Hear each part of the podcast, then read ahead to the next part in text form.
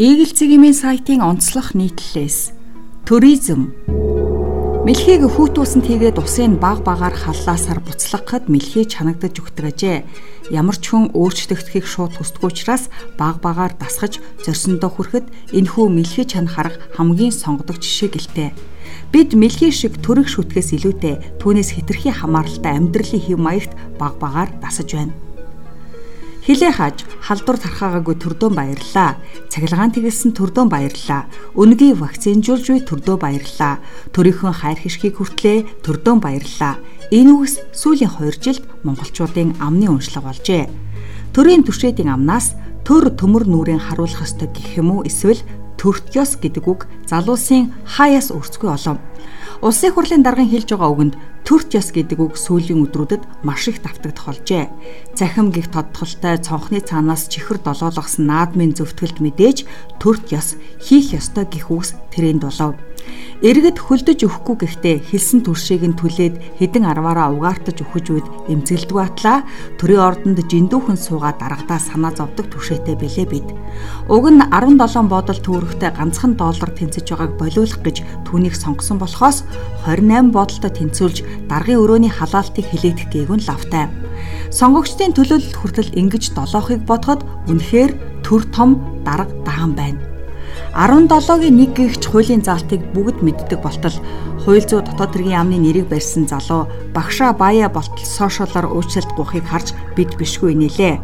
Байгууллагын нэр барьсан түүний буруу авч Төрийн албаныхан энгийн иргэдээс ямар давуу эрх ям бидлээд байгаа тусгал нь түүний хэлсэн үг байлаа. Хууль сахиулагчид ч холбогдох хуулийн дагуу торгуур шийтгэлийг нь оноохын оронд арьсан хамгаалж бичлэг хийн цацхыг өртөл болгосон нь бас л хүний эрхийн тухай ойлголт хүсэр хаягдсны илрэл болов.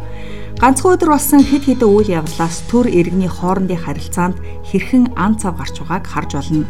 Монгол Улсын ерөнхийлөгчийн тангар гурвах өдөр зориг агсны хөшөөний өмнө халдвар хамгааллын дэглэмээ баримтлахыг төрөөс шаардсан 3 ч залууг цагдаагийнхан саатуулсан юм.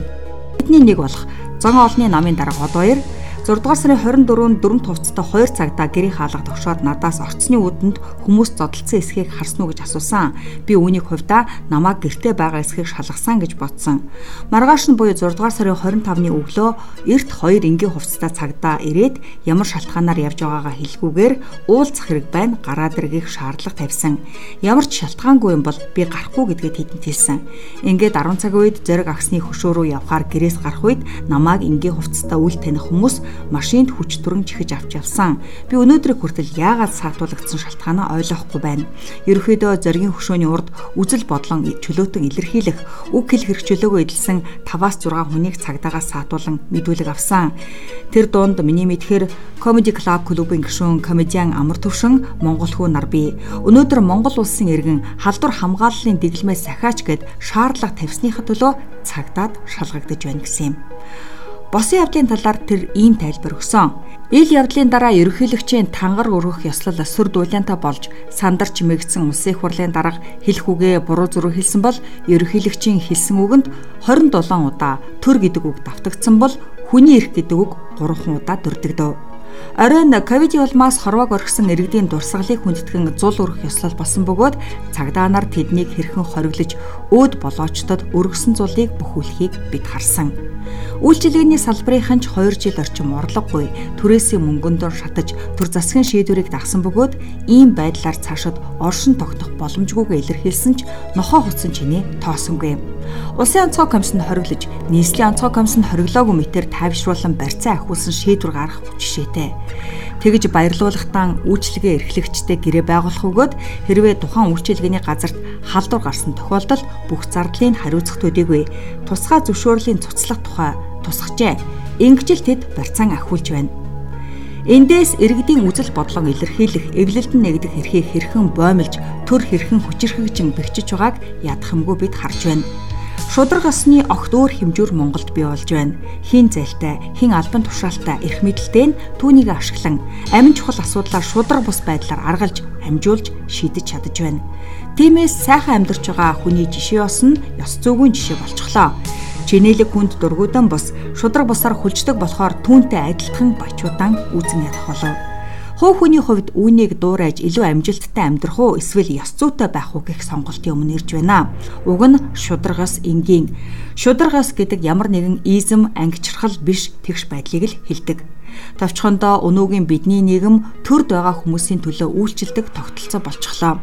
Бидний үндсэн хуулиндаа тухагилсан олон ургалч үзэл нэр төдийхөн байна.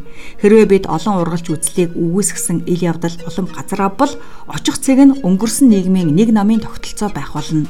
Эхнээсээ төрийн албанд удам дамжсан тогтолцоо бий болчихсон. Хувьсэл гэж хувьсгалаас ч хэцүү юм. Бид ардчлалыг хэлбэр төдийхөн хэрэгжүүлснээс илүү их алдах болтой. Коммунизм үеийн сэтгэлгээ, хандлага, нийгэм эдийн засгийн бүтцүүдээс салаагүйгээс ард түмний нэрийг барьж засгийн газар бизнест хөндлөнгөөс оролцох замаар хүний эрх чөлөөнд халтдаг болчихлоо. Бид ял шалахгүй зүйлээр хүний эрх хэрэгчлөө ардчтал хэвээрээ байна гэж дүгнэх жишээтэй. Харамсалтай нь ямар ч тоталитар дэглэмд ардчлалын элемент байж л байдаг. Илжиг модон хударгандаа дуртай шиг халдвар ихслээ хориод өгөөч гэж өөрийн мэдлгүй айсандаа хашгирч байна.